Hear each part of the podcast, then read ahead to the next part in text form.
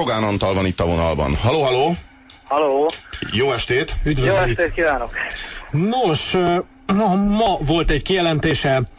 A Fidesz végig igazat mondott a választási kampányban, mi legalább nyugodtan tudunk tükörbe nézni ellentétben a szocialistákkal.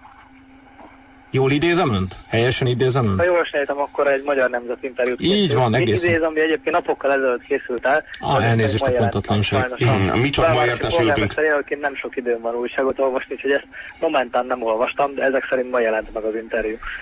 No, hát ad annó az Indexnek volt egy ígéret kalkulátora még a választások közelettével, ebben 3797-től 3868 milliárd forintig számolták össze körülbelül azok a, an, annak a költségét, amiben ezek az ígéretek kerültek volna, hogy néhányat ebből felidézek, TB járulék csökkentése 29-ről 19-re, 14. havi nyugdíj, lakástámogatások, autópályadíjak, egészségügyre a GDP 7%-a, négy nagy kórház, SZIA kulcsok csökkentése, családi Köszönöm adókedvezmény. szépen a jó indulatú megközelítést, tehát maradjunk ennyiben egyelőre.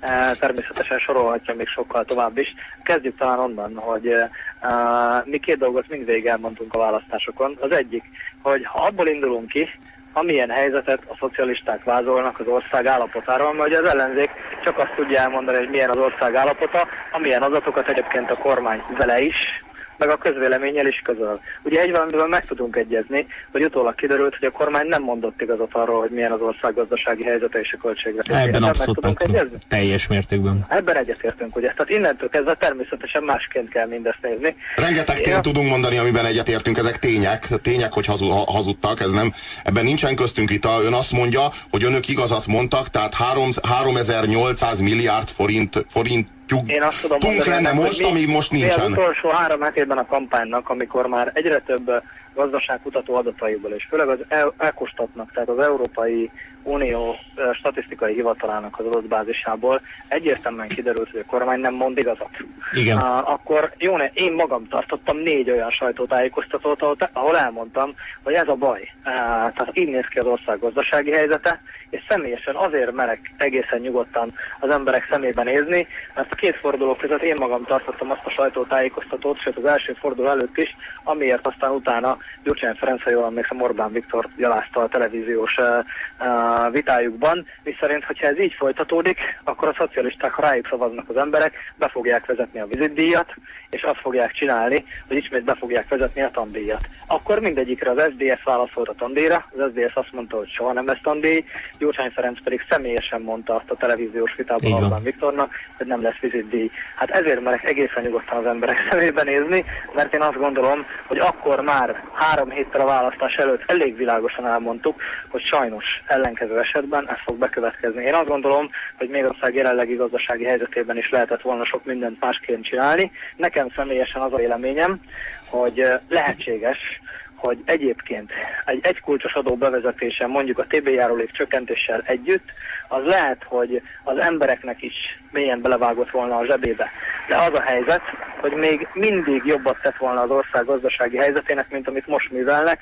Mert Most bárhonnan is nézem, például bonyolultabb lesz az adórendszer, mint akár egy esztendővel ezelőtt is volt. Ennek nem az lesz az eredménye, hogy az országban az emberek szenvednek két évig, és utána gazdasági fellendülés következik, hanem pontosan a fordítottja. Én most jövök, mielőtt hívtak innen, a kerületből, egy bérházból egy beszélgetésről, ahol ott volt 30 ember, és közülük hatan mondták el nekem, hogy kisvállalkozásoknál dolgoztak eddig, de nem fogják tudni megtartani az állásukat. Már most mondták nekik, mert a dupla TB járulékot az életben nem fogja tudni kifizetni a vállalkozó, ezért el is mondta nekik, hogy ők egyébként októberrel vagy novemberrel el fogják veszíteni az állásukat. Talán ezt azért végig kéne gondolni, mert én azt gondolom, hogy akkor van értelme bármilyen gazdasági megszorítást megcsinálni, hogyha egyébként legalább közben azokat, akik munkahelyeket tudnak teremteni, azokat viszont nem sújtjuk pluszban, mert munkanélkül az emberek egyébként a növekvő terheket sem fogják tudni megfizetni, mert semmilyen pénzük nem lesz.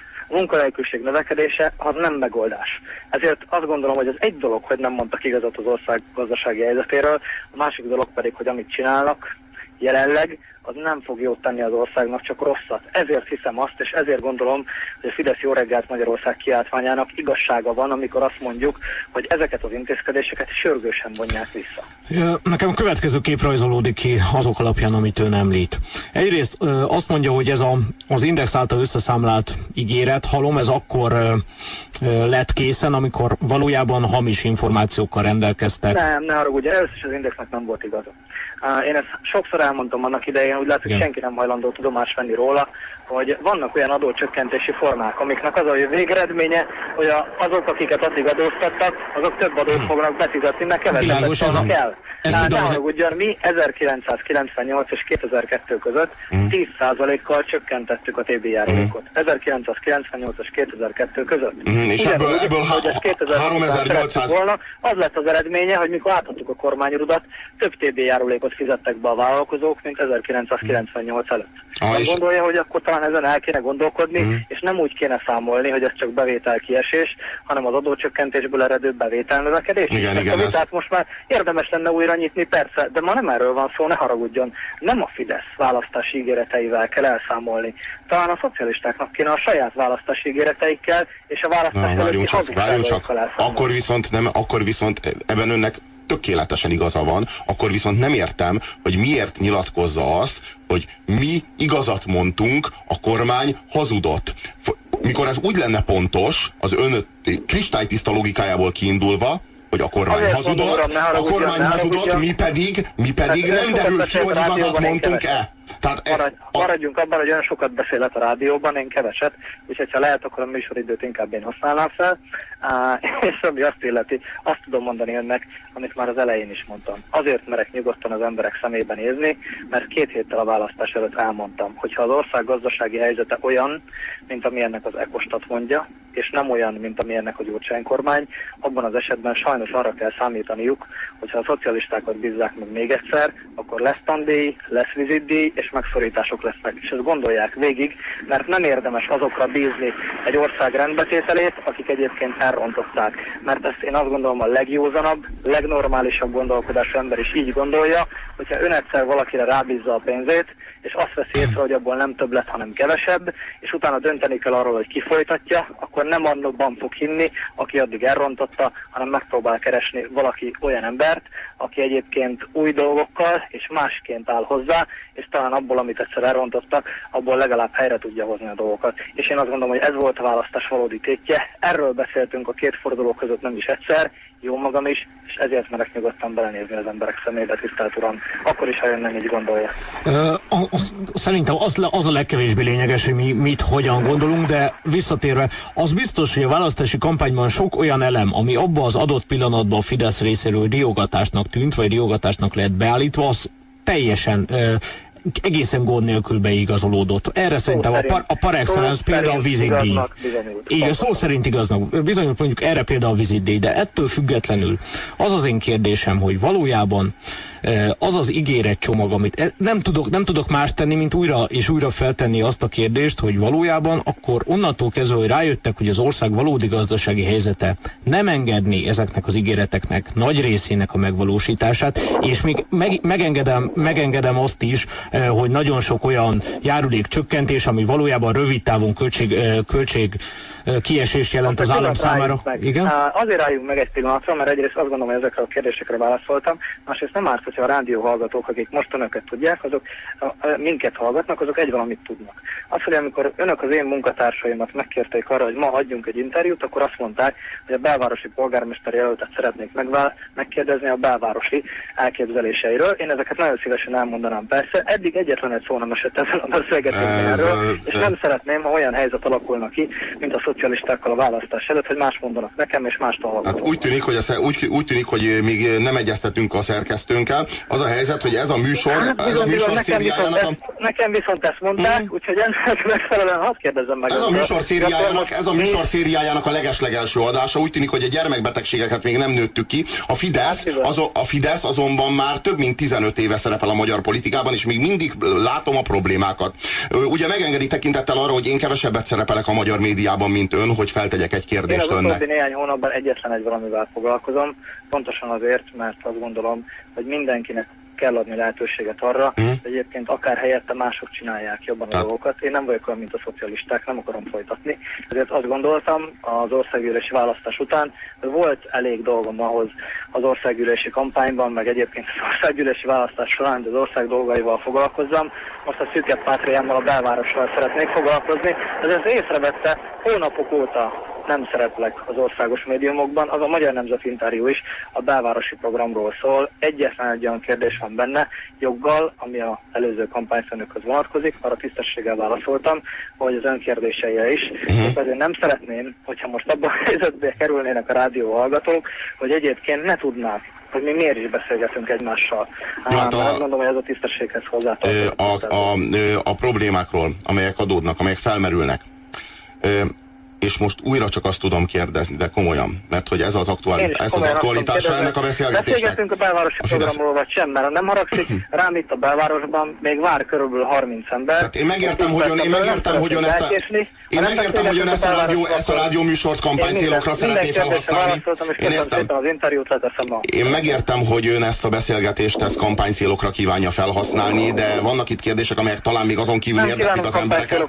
Arról van szó, hogy az MSP a választások választások előtt 1420 milliárd forintot ígért, önök a választások előtt 3790 milliárd forintot ígértek. Hát azért ez, ez is műsortörténeti pillanat, bár a műsor első adása ez, hogy letették, hogy ránk csapták a telefont, Rogán Antal ránk csapta a telefont, mert nem volt hajlandó elszámolni azzal, hogyha az ország helyzetét ők kritikán alulinak és katasztrofálisnak ítélték meg a választások előtt, akkor miért ígértek két és félszer több pénzt az embereknek, mint az MSP. Az MSP ígéretei hazugságnak bizonyultak, holott két és félszer annyit ígért a Fidesz.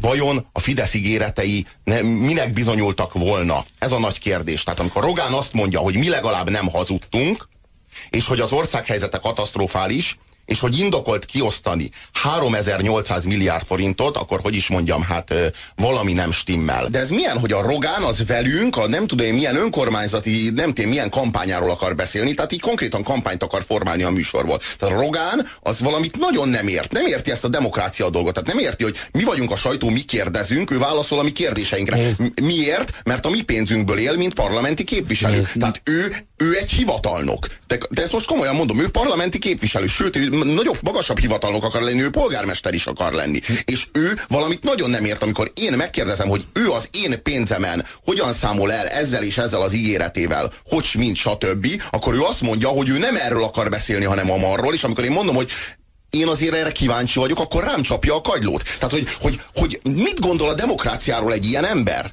De most ez komolyan? Nézd, hogyha én veled megbeszélem azt, hogy egy élő rádió műsorban mi a uh, Juventus uh, tavalyi szezonjáról fogunk beszélgetni, és utána az első kérdésem arra vonatkozik, hogy hogy áll a Lékónak a sakvilágbajnoki címe, valószínűleg uh, meglepőt. Ennyi. Szerintem ennyi, ennyi jár a Rogánnak, ez rosszul lett egyeztetve, akkor ezúton is legyen övé az elnézést, ettől függetlenül ez semmi másra nem hivatkozási alap, mint egy szervezési, szervezési pontatlanságra. Jól van, igyekezni fogunk a jövőben az ilyeneket elkerülni.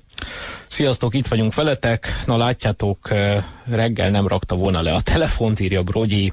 Ja, jó, ez jól indul ez a széria. Abszolút. Elindult a széria, és a Rogán már is kiakadt, kész.